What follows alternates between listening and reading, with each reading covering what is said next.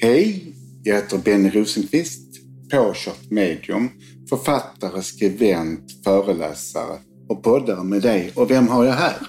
Jag heter Helena Magdalena och jag är också medium, astrolog, föreläsare, författare och poddare med dig. Och så skriver vi tidningen Nära båda två. Det gör vi. Det gör vi. Och vi är ju idag på The Lighthouse Onsala tillsammans och har kurs. Mm. Så vi är här och vi har eh, ett antal personer som vill ställa lite frågor till oss. Så detta blir en andlig frågestund kan man säga. Och ni är välkomna fram ni som har någon fråga till oss. Mm. Mm, precis, och vi är ju här tillsammans på vår mediala sommarkurs. Vi har haft en härlig och spännande dag idag. Och då brukar vi alltid ha en sån här frågestund om det mediala, om allt inom det mediala. Så passa på nu, för det är många som har samma frågor som ni har individuellt. Alla frågor är viktiga, alla frågor är värdefulla. Så vem kommer fram först här i gänget? Mm? Hej. Hej, vad heter du? Anette. Om man känner att man vill bli mer medial, har ni några förslag på hur man kan göra då? Bra fråga.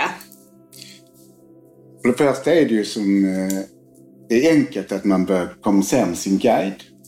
För i och med att du känner själv att du vill jobba på din medialitet så vill din guide utbilda dig. Och lättast är det att kommunicera via meditation. Mm. Meditation, meditation, meditation. För då öppnar du intuitionen och lär dig kanalisera. Och din guide använder kronchakrat för att förmedla kunskap och utbilda dig. Så det är en väldigt billig utbildning i alla fall som man får uppifrån. Och det kan vara jättebra att börja fem minuter morgon, fem minuter kväll första veckan. Det är ditt knep som du Ja. gav till mig. Eh, tio minuter morgon, tio minuter kväll veckan efter. Ni kommer älska det så mycket så ni kommer att längta efter eran meditationsstund som ni har. Och sen får man säga till sig själv, jag får inte meditera mer än fem minuter. Jag vill, men jag får inte. Så längtar man mer. Så det ska, du ska verkligen komma in i det. Mm. Vem har vi nu som vill ställa nästa fråga här? Mm. Erik här. Jag undrar lite grann över meditationen, om det kommer några ämnen då? Vad, vad kan dyka upp under? Lyssnar ni på det sättet att det är något som kommer under meditationen? Funkar det? Det kan ju komma det du behöver. Alltså om du mediterar så vet andevärlden vad du behöver och får till dig. Och du får saker exakt när det är färdigt för dig att kunna ta din kunskap. Så jag är ju medial, men min utbildning har ju sträckt sig från det att jag började när jag var 15 till nu. Så hela min utbildning fortsätter fortfarande trots att jag är då 60 år nu. Mm. Så man blir aldrig fullt utbildad utan det kommer lite frekvenser och man får step by step mer utbildning i sin medialitet. Mm. Mm. Mm. Härligt, jättebra. Sen kan man ju i sin meditation, man kan ju kalla på sin guide då, eller som jag kallar det, andlig ledare. För att ställa frågor inför beslut man ska fatta och så här också. Så ser det som att vi kan ha en kommunikation. Men man kan också bara sätta sig och se vad som kommer till en. Mm. Sen får man vara försiktig också för de svarar ju rakt. De är väldigt ärliga på andra sidan. Så man får de svaren man behöver ibland. Tänker man, det var inte det jag vill höra. Utan man får ju sanningen. Men de vill alltid väl på andra sidan. Det är alltid kärleksfullt. Mm. Ja, kom. Välkommen fram. Kom gärna fram nära mikrofonen. Ja, kom närmare här så jag får Anneli heter jag. Jag tänkte höra om man har mycket aktivitet hemma. Det finns ju många som har det. Eh, till exempel att eh, lampor tänds, släcks. Det kan vara tv-apparater som går på. Du kan få dofter och sådär. Vad ska man göra? Och hur tänker man när man har mycket aktivitet? För det första ska man ringa till en elektriker. För är det fel på elen så kan man börja där. Men är, kan de inte hitta någonting så det är väldigt bra att börja känna efter vad det är för aktivitet. Och då kan man kommunicera och fråga, vem är du? Vad vill du? Varför vill du påkalla uppmärksamheten till mig? Och vad ska jag göra för att du ska lugna ner dig? För de gör ju det till en anledning för att visa sig. Och andevärldens frekvens är ju energi. Och den ligger på samma som elen. Så de kan lättare gå in på elenergin och använda den. För på så vis kan de synliggöra sig. Mm. Och de kan också styra så att vi kan vakna plötsligt av att hela rummet är fyllt av en speciell låt. Till exempel. Och då brukar jag, det har hänt mig flera gånger att jag vaknar mitt i natten och musik på högsta volym och då brukar jag direkt, vad är det för låt? Vad är det för budskap i den här låten? Då säger de ju någonting. Mm. Jag har också en annan fråga. Där du får komma fram först. Jag har också en annan fråga. Bra. Eh, Den här energin då, som då oftast man kanske har i sitt eget hem, den har också haft en tendens kanske att följa med en till andras hem. Eh, Där det också sker saker i de rummen man befinner sig i. Då är det bundet mer till dig som person och det brukar man kalla för klibbandar. Så det kan vara en anknytning till dig och det kan, behöver inte bara vara en negativ energi utan det kan vara en skyddsängel. Och den kan ju tycka, för att du ska få uppmärksamheten, även på ett annat ställe, att jag är med dig och jag är din skyddsängel. Vi får lära oss ett nytt ord här. Klibbandar. Ja. De. De klibbar fast på en. Ah. Och de, det är ju de som man också kan få med sig. Det var en i det danska okända som hade fått med sig hem när han var på krogen, en alkoholist. Och han var inte alkoholiserad innan men han ville få honom att dricka så han, den anden tyckte om de energierna när han var onykter för då kunde han känna hans berusning så att säga. Så det är en klibband. Det är en- Och där finns ju de som tar med sig andar utifrån, hemifrån. Man renar hemma hos dem, så är de på stan och så plockar de hem någon ande hela tiden. Och då får man rensa där hela tiden. Så vissa klienter har kanske varit hos 10-20 gånger för dem. De plockar hem saker. Och det är ofta klibbandar. Klibbandar, nu har vi lärt oss det. Bra och intressanta frågor. Vem har vi nu? Nu kommer... Får du komma närmare? Anette här. Ja. Bra. Eh, Behöver man, eh, eller kan, alltså, behöver man vara rädd för eh, när det kommer eh, andar? Alltså när de visar sig eller när man ser saker som händer i rummet då? Vi får ju lära oss det via filmen att det är farligt med andar. Men jag kan ju säga det någonstans, jag har inte hört någon dö utav skräck. Det gör man bara på film. Så en ande kan inte göra något annat än att du blir rädd. Men de är ju kärleksfulla. Även en ond ande kan bara visa den energin som den var i när den levde. För den kvarvarande ande som är i den negativa energin den var när den levde. Och då visar den sig så du ska känna igen att den var så här jobbig när den levde. Men jag hade nog väl mindre velat träffa den som levande för då kan den ställa till saker när den är död. Jag är mer rädd för levande människor för de kan ta död på en. Men en ande kan inte skrämma ihjäl en. Nej. Sen kan det ju vara, när man ser en ande, att den kan ju visa, jag tänker på min yngsta dotter Jessica, hon och hennes vänner var övernattade på en båt, Göteborgs skärgård, november och mörkt. Och de var så här fnittriga tonårstjejer och så vänder sig min dotter om och så ser hon en kvinna stå i båten med trassligt hår och en sylväst i handen. Så Jessica säger ju direkt, men vem är det? Och då förstod hon att de andra såg inte. Så hon blev ju väldigt uppskrämd. Men den här kvinnan hade med all sannolikhet att det hade hänt henne någonting på platsen, förmodligen en drunkningsolycka. Så hon visade sig, men hon kom ju med goda avsikter till flickorna. Hon ville ju inte skrämma. Utan hon såg ju att Jessica var medial och visade sig där. Men Jessica var rädd i flera dagar, för det var en upplevelse första gången man ser andevärlden. Mm. Jag hade en kompis också som gick in på toaletten hos mig. Så tände hon inte lampan men så tittade hon och tänkte vilken finne jag har fått på kinden. Så tittade hon mer, nej det är borta. Och så fick hon se att det var en mansbild i spegeln istället. Och hon blev skiträdd. Ja, det enda han ville det var att skrämma henne. Han lyckades ju med det. Men det kunde inte hända mer. Nej. Nej, intressanta frågor. Så vi behöver inte vara rädda för andevärlden. nej. Inte alls. Min man brukar skratta åt mig när jag säger att jag är mörkrädd för jag tycker det är lite otäckt att sova själv i det här stora huset till exempel. Och då säger jag precis som det är, ja men jag är rädd för människor. Inte för dem som vi lever tillsammans med här i huset. Utan att någon ska komma och göra inbrott eller på något sätt då. Mm. Bra frågor. Vem är det nu som vill komma fram? Ja. Säg nu. Ja. Du kommer nära mikrofonen här. Hej, Karin heter jag. Jag undrar om man har samma guide hela livet ut? Eh, Man kan ju säga så här, Benny kallar det för huvudguide och jag kallar det en andlig ledare som vi har, som följer oss genom det här livet. Som guidar oss och som vi också kommer överens om innan vi föds i det här livet. Så att det är som våran andliga ledare, eller huvudguide då, genom livet. Sen kan vi ha guider som kommer och går beroende på var vi befinner oss i, i livet. Om vi ska lära oss någonting nytt eller kommer till en annan plats och sådär. Så skulle jag svara. Så vi kan få en, en guide som till exempel är bra på skilsmässa.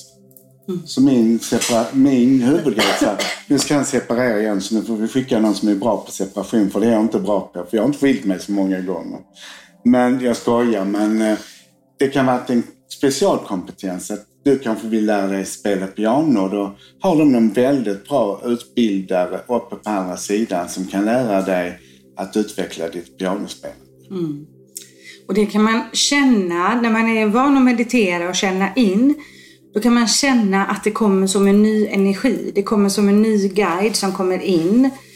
Och då är det ofta att man längtar efter att lära sig någonting på så sätt som du beskriver. Och man kan känna det själv.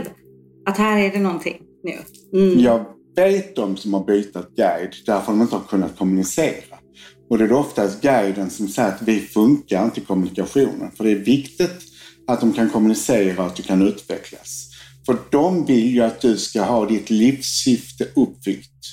Du har ett livstema, du har saker du ska lära dig och kan de inte hjälpa dig fullfölja det så ber de att gå tillbaks. Det kommer en ny huvudguide istället. Och det är mycket sällsynt. Det vanligaste är att du har samma guide hela livet. Som guidar dig. Mm. Så när vi arbetar medialt, när vi arbetar med vägledning, då är det ju olika guider. Det är ju personens guide som vi jobbar med, som kommunicerar på ett högre plan. Så då är det ju många med i the spirit kan man säga. Men vår huvudguide, andliga ledare, guidar oss och utbildar oss i livet. Mm. Och du ville fråga någonting? Välkommen fram. Helene heter jag och jag vet att jag har levt tidigare liv. Hur ska jag göra för att få reda på dessa? Det är ju meditation eller hypnos. Och sen kan man ha en vetskap om var, så kan man söka sig till de platserna och göra meditation där på den platsen eller landet som man känner att man dras till. Och på något sätt omedvetet ibland så dras man till platsen underliggande och kommer till Kreta och så känner man, har jag levt? Men det är din själ som längtar dit för du har haft ett tidigare liv. Och du vill ha en bekräftelse av den själsliga inkänningen som du får. Och där kan vi också via regression som du var inne på, Ja. hypnos. Vi kan gå tillbaka också eh, till tidigare i detta livet och i tidigare liv för att lösa och hela och läka olika trauman som vi har varit med om som vi kanske inte förstår i det här livet. Och då kan man få hjälp av det när man får blicka in i ett tidigare liv och se att okej, jag förstår. Eh, jag gjorde en sån regression här i huset när Sär hade kurs. Och eh, hamnade i ett liv där jag satt fängslad i en kyrkobyggnad. Det var ett fönster högt upp och jag såg att det brann där ute. Och eh, jag hade två val. Antingen att äta maten och jag visste att jag tål inte den här maten, jag kommer att dö. Eller brinna inne. Det var de två valen jag hade. Jag var kvinna och detta kanske var i Frankrike på 1400-talet. Så går jag in mer i det livet. Och då ser jag att militärerna som kom då på hästar för att tog oss till fånga, det var min man. Och min man, han är kock. Och i, det, i detta livet är han kock. Och i början när vi träffades, jag har så många matallergier, jag har väldigt mycket matallergier, jag är väldigt rädd för att äta. Och bland det första han sa till mig, det var att jag ska lägga i lite mjölk i maten inte du ser det, för du kommer inte märka det. Och då, jag fick sån här, du kommer ta livet av mig.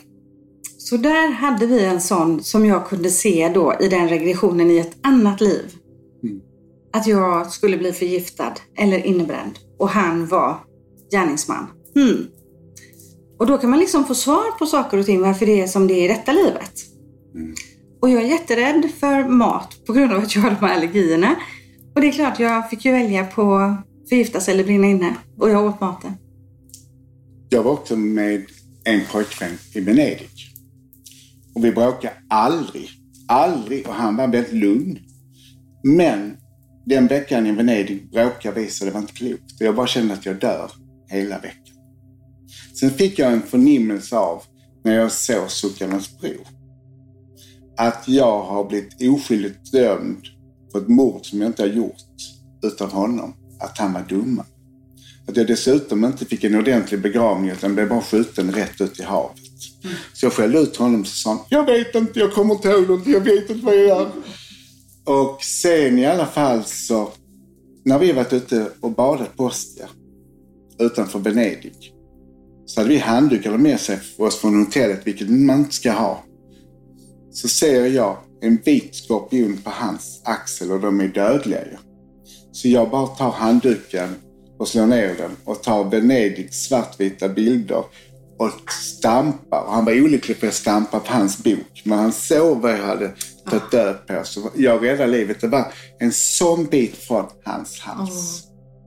Så då försonar vi karmiskt så att jag räddade livet från honom. Och vi åkte därifrån som vänner. Och det är fint när man kan lösa karma. För jag äter ju med stor tillförsikt min mans mat nu. Han är superduktig på att ta hand om mina allergier. Nu ville du fråga någonting. Välkommen fram. Du började ner här. Kom. Hejsan, Bella heter jag och jag undrar hur lär man sig att hila andra människor? För det första så har vi det som en känsla. Hila är så enkelt, för alla människor försöker försvåra. Men säg den föräldern som inte med reflex, när barnet slår sig, bara lägger handen på där barnet slagit sig. Vad gör man sen? Man blåser. Jag tror på handen, men inte på blåsten. Jag tror blåsten är kärlek. Men jag tror kärlek är också viktigt för healing. Men jag tror att vi har många gåvor som bara finns där och de bara ska aktualiseras. Så jag tror att alla har en helande förmåga. Och när du gör det komplicerat så försvårar du det och då tror du inte att du kan. Och det du inte tror att du kan är du inte bra på. Men när du bara gör det på det sättet som du har i inkänning så blir det fantastiskt. Och jag tror också på blåsten. För det är andens dräkt. Mm. Våran andedräkt. Ja, och just det här att inte komplicera det. Det är naturligt för oss. Och sen så är det jättespännande att träna upp sin healingförmåga med olika healingenergier. Olika kanaler kan man säga. Mm. Och det enda med all healing det är att det är samma källa. Som du gör reiki healing, du gör connected healing eller vad du än gör. Så universum är det den högsta energin. Så oavsett så är det den energin som är det viktigaste. Och det är den vi använder oss alla utav. Och det är den blåvita ljuset som innehåller alla färger som letar sig efter orsak och verkan i kroppen. Som aktiverar vårt självläkningssystem. Mm. Vi är självläkande människor och healingen aktiverar att vi läker. Så när vi gör healing så aktiverar vi ju vid healingtillfället och sen fortsätter healingen. Lång tid efter kan man känna av sin healing som man har fått. Jättefint. Och vi kommer ju att lära oss mer om det under helgen här. Mm. Så nu undrar vi vem som vill ställa nästa fråga. Mm. Varsågod. Varsågod. Långt ner. Ja, Helene här igen. Eh, vad tycker ni man ska säga till ett barn som kommer och säger att man, de ser kompisar eller personer som man själv inte ser. Vad tycker ni att man ska, hur ska man bemöta det? Bekräfta. Jag, jag hör att du ser. Bekräfta dens upplevelse och bara på ett helt naturligt sätt. Mm. För den ser ju det. Mm. Och den upplevelsen är ju sann. Mm. Det är likadant som en dement person. Ser ju också andar. Och reser mellan världarna. Men vi säger nej det är för den är dement. Men den besöks av släktingar för den lever mellan världarna. Och det gör ju barnet också. För då har det ju varit nära den andra sidan och har kvar det naturligt att kunna kommunicera med andevärlden. Sen blir det sämre om man inte jobbar med det efter att vi blir barn. Så det är någonstans att uppmuntra barnet till att det är en fantastisk gåva du har. Men det är alltid på barnets villkor. Du kan säga, vill du inte, jag är rädd, så säger du, nu får ni gå härifrån. För andevärlden lyssnar på en och säger, gå, lämna mig i fred, så gör de det. Ja, och jag skulle också säga det att det kan ju vara så att det lilla barnet tittar på mamma eller pappa och säger Vad heter min kompis här? Vänd tillbaks och säg till barnet Fråga. Fråga vad din vän heter. Alltså var med i aktivt för då fortsätter ju den kommunikationen på ett naturligt plan. För om man som förälder Många gör ju det, de blir lite häpna. Nej men det står ingen där. Då har man tagit bort en upplevelse för barnet som för barnet är helt sant. Mm.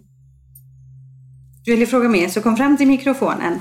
Fråga och fråga, det är mer så här, hur, hur ska jag få tyst på han och hans kompis när de inte vill sluta leka på kvällarna? Det sa Allvar. min, det sa min mamma också. Så hon sa så här, även om din kompis inte behöver sova så måste du göra det. Ja. Så du får be din kompis gå hem, där han är hemma just nu. Så får du han komma tillbaka imorgon när du har sovit. Ja, alla har vi regler. I alla världar. Ja. Så det får man ha även med andra sidan. Ja. ja, väldigt intressant och spännande och helt underbart med, med mediala barn. För får man den bekräftelsen, jag växte ju upp i ett hem där, där det, liksom, det var bara en öppenhet på något sätt. Ingenting var så konstigt. Jag såg ju andevärlden i vårt hus, men jag sa inte det till mina föräldrar. För jag var rädd att de inte skulle få stanna kvar. Så jag bar det inom mig, för jag visste att det var dubbla hyresgäster där, precis som det är här i detta huset. Mm. För det är vi som lär mediala barn att det bara är fantasi, om det är det vi säger till barnet. Är vi öppna så lär vi barnen att vara öppna. Mm, varsågod. Ja, det var Anneli här igen. Jag tänkte så här, eh, nu när vi pratar om det här, så om man nu har andar hemma, Mm. eh, hur ska man låta dem få vara kvar? De, om de inte gör något speciellt, de kanske bara kommer och går och sätter på lite apparater och sådär emellan, men de gör ju inget farligt. Ska man låta dem vara eller hur handskas man? Jag tycker det är synd att ha dem kvar. För om de är kvar i denna dimensionen och det inte är en som hälsar på, släkting, så utvecklas de ju inte. För de är kvar i en dimension där de någonstans inte kommer någonstans. Och där kan det ju vara skillnad. För vi kan ju ha personer som inte liksom är platsbundna som andar, om man säger inte personer, utan platsbundna andar. Eh, som har liksom gått till ljuset och kommer tillbaka och befinner sig på platsen.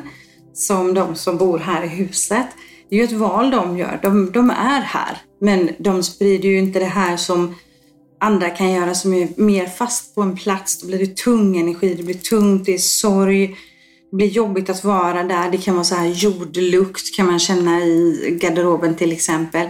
Så det är en annan energi. Sen kan det också uppfattas kyligare när en är kvarvarande ande är. Så den är ju, skapar ju ofta en dålig stämning och dofter och känslor och energier. Så det, och sen utvecklas de ju inte, så det, de blir ju ofta lyckliga när de kommer över till andra sidan. Det är ofta rädslor som gör att de är kvar. Men sen vill man ju inte ta bort dem som kanske kommer och hälsa på, som är mormor och eh, släktingar som har gått bort, som kollar till oss. Det är bara trevligt att ha dem där. Mm.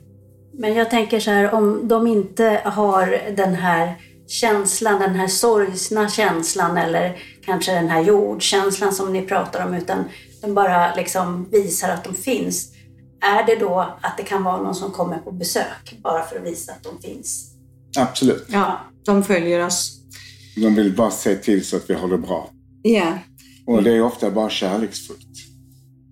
Vi, jag hade, eller vi hade i vårat, i vårat hem min gamla mormor. Fick jag liksom till mig att och hon gick och plockade i skåpen och så. här. Det var väldigt, väldigt hemtrevligt. Och när jag fick mitt första barnbarn så tystnade det.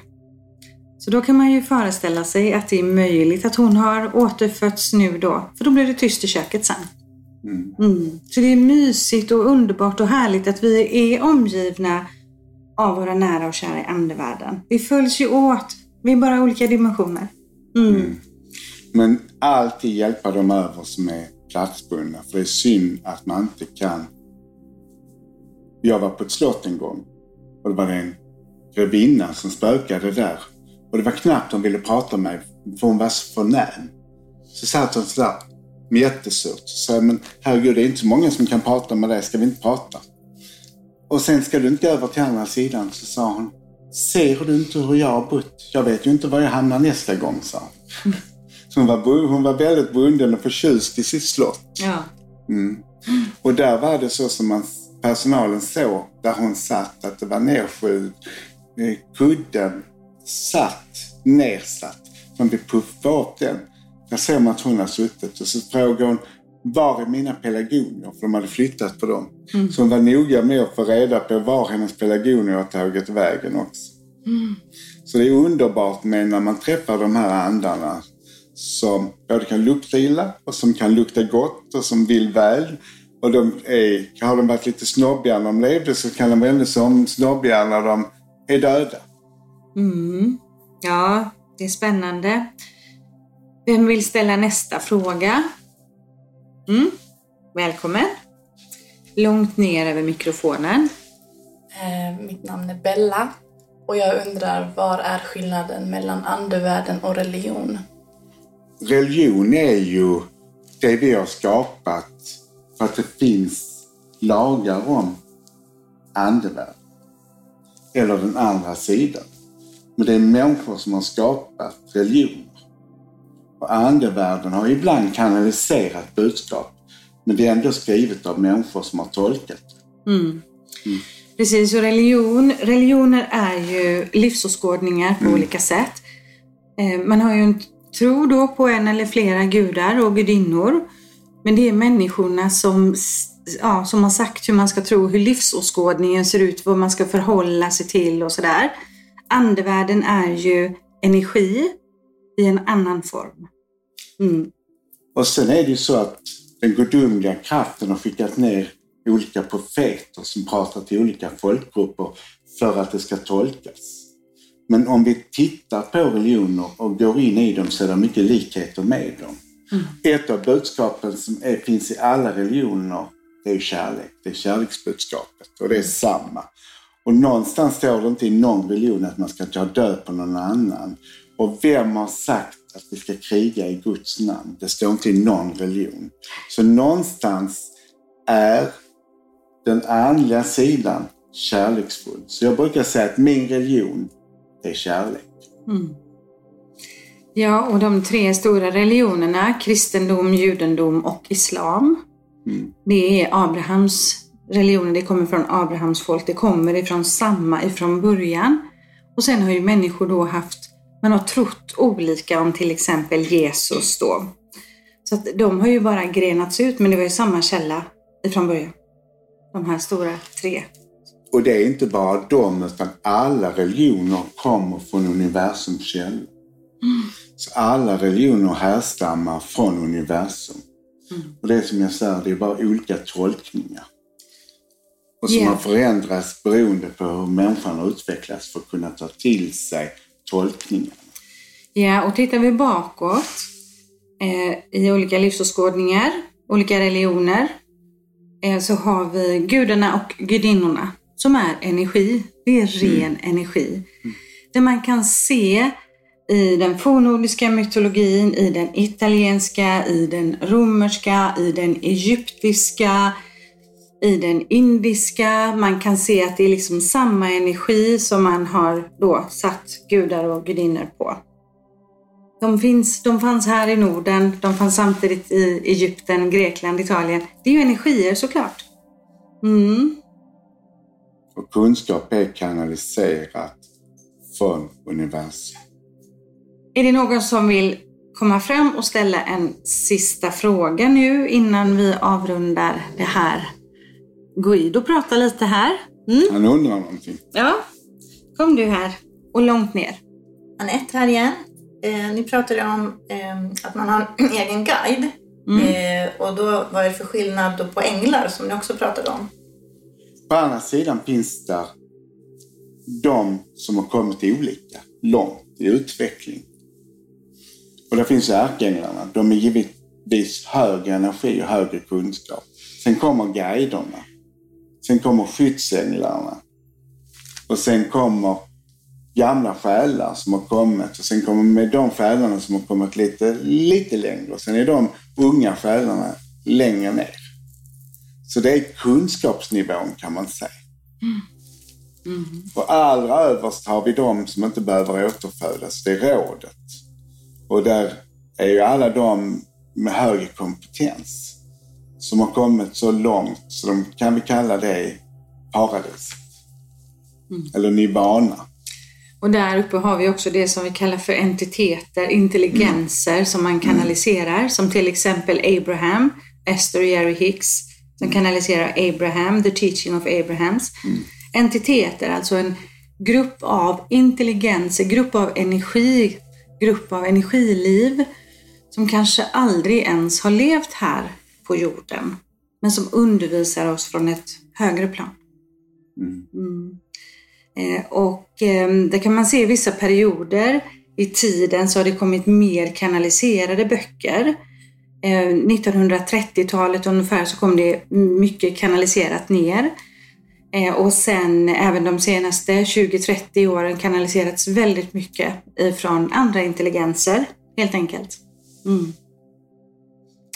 Ja, det var ju jättehärligt att få ha en sån här livepodd tillsammans med, med er och vi tackar verkligen för att ni ville ställa frågor och vi vet att många av våra lyssnare uppskattar verkligen att ni kom fram och ställde de här frågorna.